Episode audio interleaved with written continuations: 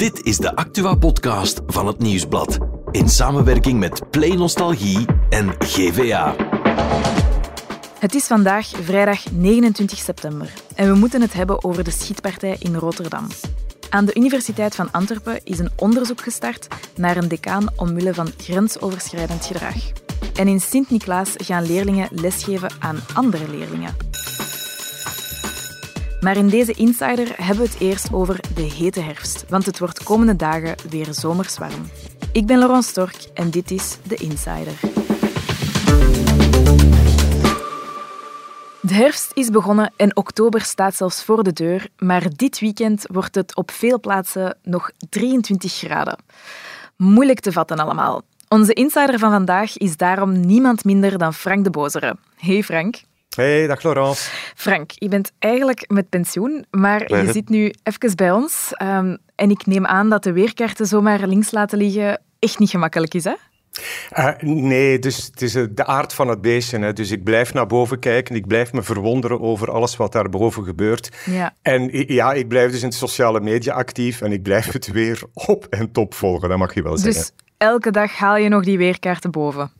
Absoluut, en meer dan één keer per dag.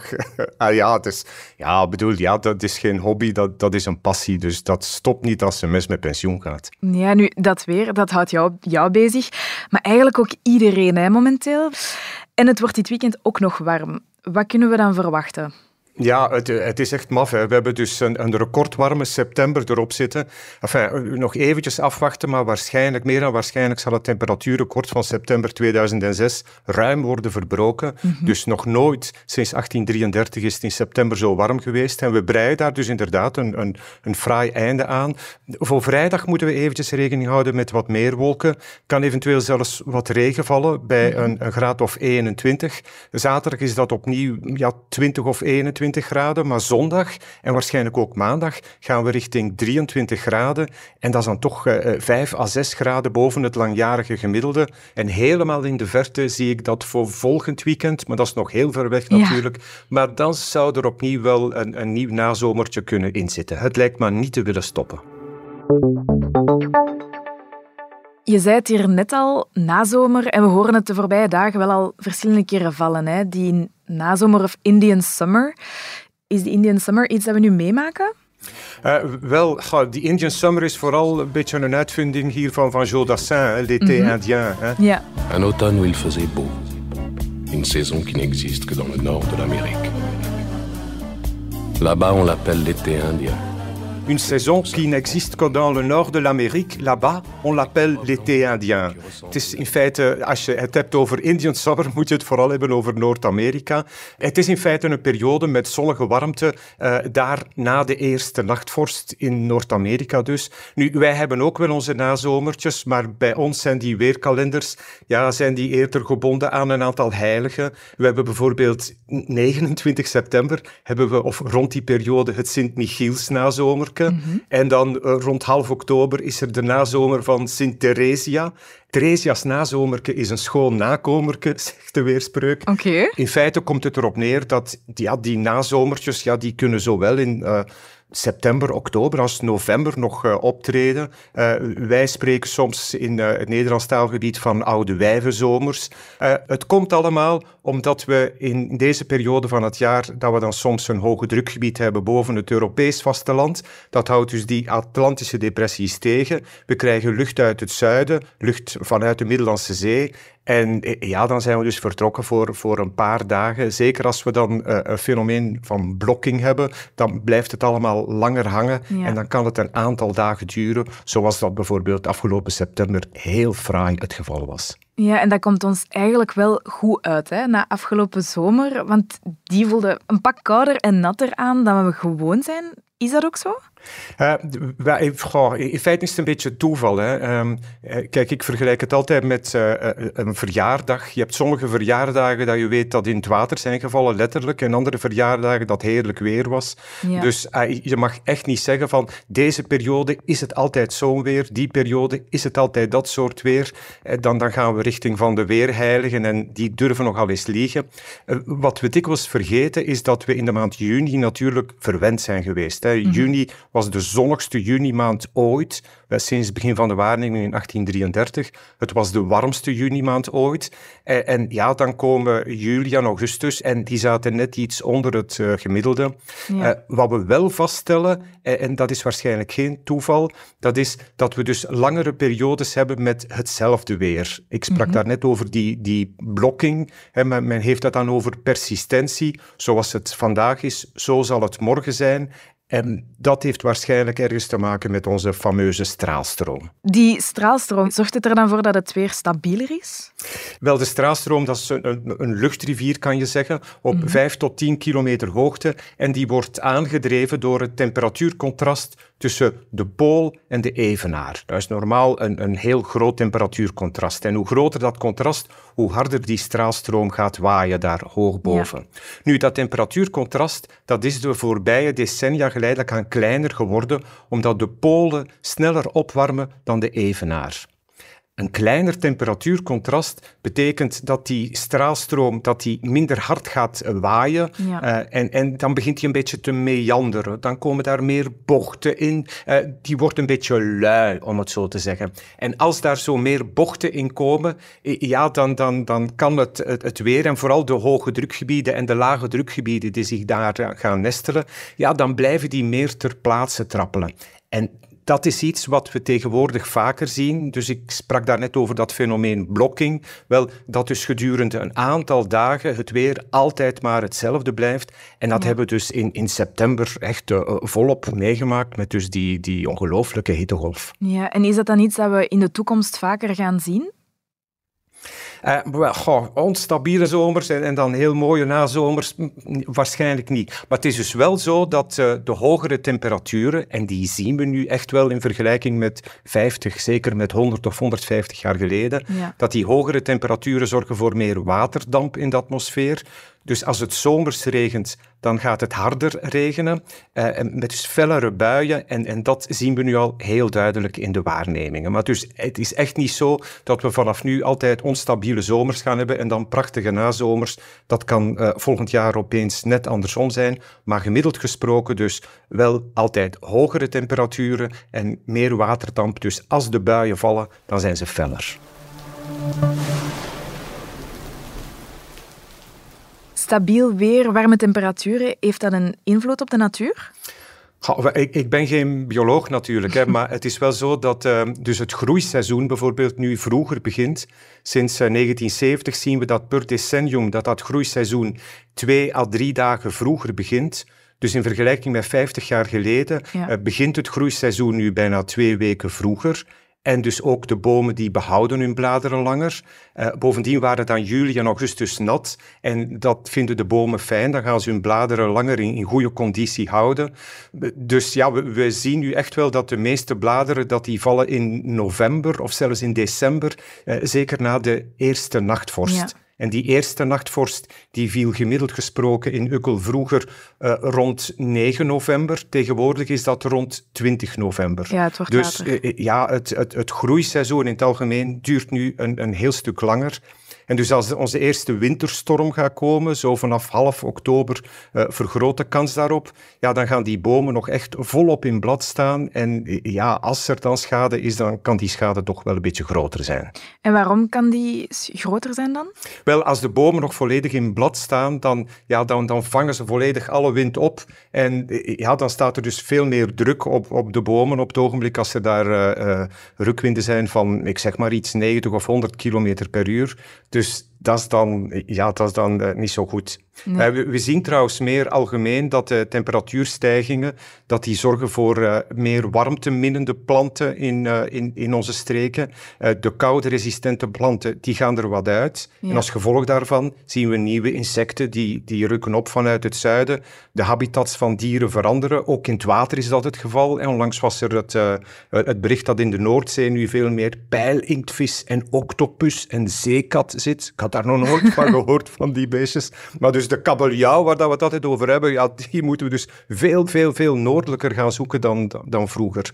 En, en die verandering die gaat heel erg snel.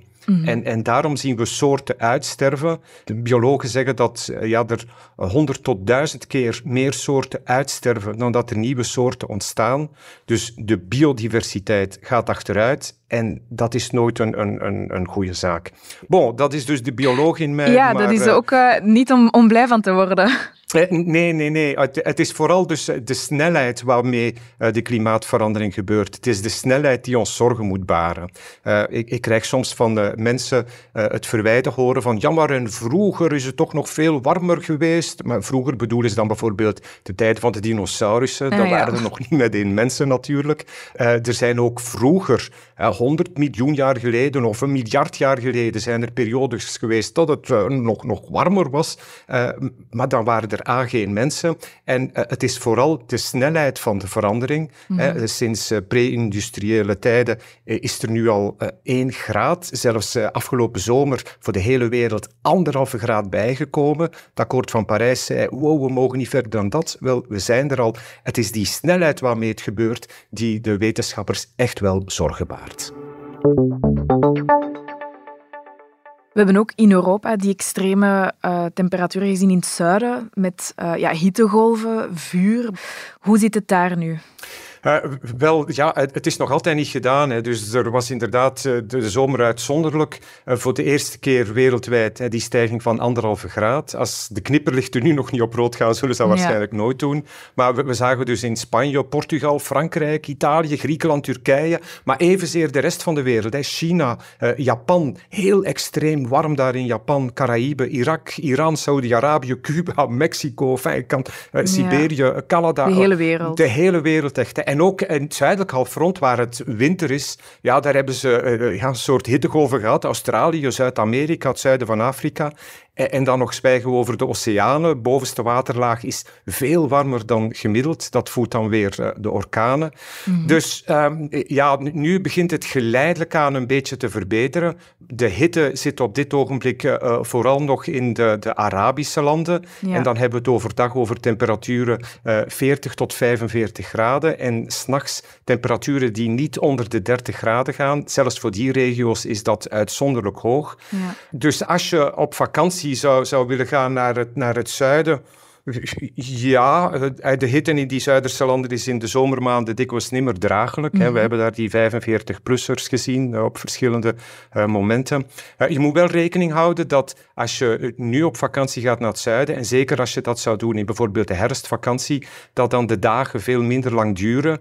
Dus uh, zeker voor de hoger gelegen regio's kan het dan s'nachts al een beetje aardig koud zijn. Ja, en hoe warm is het dan bijvoorbeeld in Zuid-Frankrijk of, of, Spanje, waar we graag naartoe gaan?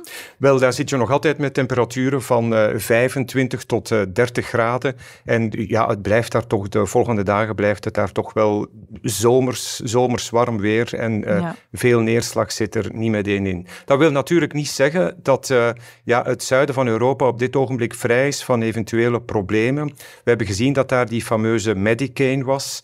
Dat is een, een, een samentrekking van Mediterranean, Middellandse Zee, mm -hmm. en hurricane, orkaan. Dus het zeewater van de Middellandse Zee is nog altijd veel hoger van temperatuur dan uh, normaal. En dat voedt uh, eventueel felle stormen. Dus het is nog altijd perfect mogelijk dat in de loop van de maand oktober of november, uh, dat er ergens in de landen rond de Middellandse Zee, dat daar heel uh, zwaar weer op komst is en dat je vakantie daar echt niet zo fijn zal zijn. Ja, want Frank, ik weet het, het is altijd moeilijk um, om de vraag te stellen aan een weerman om meer dan twee weken ver te kijken. Maar ik ga het toch even proberen. Um, hebben we een idee van hoe dat de winter er gaat uitzien? Ha, dat is de vraag van 1 miljoen natuurlijk. Hè. um, we, wel, um, er zijn altijd uh, uh, mensen die, die uh, zeggen, kijk, de winter gaat zus of zo verlopen en die hebben dan gelijk. Maar elk jaar, elke winter zijn het altijd verschillende mensen die dat zeggen. Ja. De, de, de, kans dat we in elk geval een, een strenge winter gaan krijgen, een heel sneeuwrijke winter, die kans is toch duidelijk minder groot dan de kans dat het een, een zachte en natte winter zal zijn. Dus ja, als ik dan toch zou moeten wedden, zou ik toch eerder mijn centen daarop inzetten. De uitzonderingen bevestigen de regel, maar we zien wel heel duidelijk dat bijvoorbeeld in Nederland de kans op een elfstedentocht in vergelijking met de 20e eeuw, oh, die kans is nu veel en veel kleiner. Ja. Oké, okay, dankjewel. Ik hoop dat het uh, toch ergens gaat sneeuwen. Maar dankjewel om het ons uit te leggen. Ik vond het trouwens ook heel leuk om met u een podcast op te nemen. En voor, de, ja, en voor de luisteraars die het ook leuk vonden, hebben we goed nieuws. Hè? Want binnenkort gaan wij ook een nieuwsblad-podcast maken met jou, hè Frank? Ja, dat is de bedoeling. Hè. Dus uh, ik ga geregeld voor jullie proberen het weer te voorspellen. Uh, dat af en toe een beetje te duiden en zo. Dus uh, ik verheug me echt op die samenwerking, want ja, dit is toch wel gevoedenisfressend. het is heel leuk, heel leuk om te doen. We kijken naar boven en we leren allemaal iets bij. Merci, Frank, en tot snel. Hè. Yo, bye Voor het andere nieuws is Celine Bruindongs erbij komen zitten. Dag Celine. Dag Laurence. Hallo, we moeten naar Rotterdam, want daar is tragisch nieuws. Hè? Ja, dat klopt. In Nederland uh, is een schietpartij gebeurd. Mhm. Twee schietpartijen eigenlijk in Rotterdam. Ja. Uh, de dader was een man van 32. Hij heeft dus eerst zijn buurvrouw en haar dochter van 14 doodgeschoten in de wijk Delfshaven. Mm Daarna is hij dan doorgereden naar het Erasmus Medisch Centrum, zo'n 15 kilometer verder. Ja. En daar is hij dan een opleidingslokaal binnen gegaan en heeft hij een leraar verschillende keren geschoten. En de man heeft ook brand gesticht op verschillende plekken in het ziekenhuis. En weet wel meer over die dader? Ja, hij was geen onbekende voor het gerecht. Het Openbaar Ministerie had het ziekenhuis zelfs gewaarschuwd voor de man. Uh, hij zou zijn diploma als huisarts krijgen, maar doordat hij verschillende keren met justitie en politie in aanraking kwam, is het Openbaar Ministerie dan verplicht om dat dus te melden aan de universiteit. Mhm. En omdat hij daardoor geen diploma kreeg, werd hij ook ontslagen op zijn job. En je zegt, hij was al bekend bij het gerecht. Mhm. Waarom dan? Ja, hij had al wel van alles uitgestoken. Uh, hij heeft bijvoorbeeld al een werkstraf gekregen omdat hij dieren mishandelde. Mm zo heeft hij onder meer met een kruisboog op vissen geschoten. Hij mishandelde ook konijnen en filmde dat dan. En het zou ook die buurvrouw geweest zijn die destijds naar de politie belde. Ja. En op zijn gsm bleken ook gewelddadige beelden te staan en er stonden ook nazi gerelateerde en extreem rechtse afbeeldingen op. Maar wat zijn motief juist is, dat weten we eigenlijk nog niet. Ja, dat zal misschien komende dagen wel uh, duidelijk worden. Ja. En dan moeten we ook even terug naar Antwerpen. Hè? Mhm. Ja, bij de Universiteit Antwerpen loopt een tuchtonderzoek naar de decaan van de faculteit Geneeskunde en Gezondheidswetenschappen. Mhm. Dat onderzoek kwam er na een melding van seksueel grensoverschrijdend gedrag. Uh, maar er zou eigenlijk sprake zijn van drie gevallen van seksueel grensoverschrijdend gedrag en nog zeven meldingen van toxisch leiderschap. Uh, de decaan is nu zes maanden geschorst in afwachting van het onderzoek. Allemaal heel uh, intens nieuws. Heel zwaar. Vanuit de regio is er dan toch iets positiever nieuws. Hè? Mogen we eindigen op een positieve noot. We mhm. gaan naar Sint-Niklaas. Uh, daar is een nieuw keuzevak voor uh, kinderen uit het middelbaar. En die kunnen dan lesgeven aan kinderen van de basisschool. Ze kunnen hen leren rekenen en lezen. Okay. Want blijkbaar zijn er dus steeds meer kinderen die het secundair starten zonder eigenlijk echt goed te kunnen lezen of rekenen. Mhm. En ja, het is misschien een oplossing voor het ja, maar het is spannend wel, zo jonge kinderen die nog jongere kinderen lesgeven. Ja, ze hopen zo dat ze zin krijgen om les te geven. Ik ben benieuwd. Dankjewel, Celine. Graag gedaan. Dit was de Insider en maandag zijn we er weer met een nieuwe aflevering.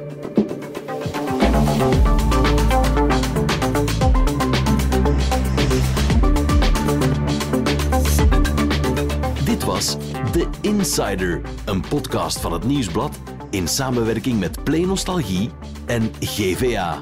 De muziek is van Pieter Santens. De montage gebeurde door House of Media.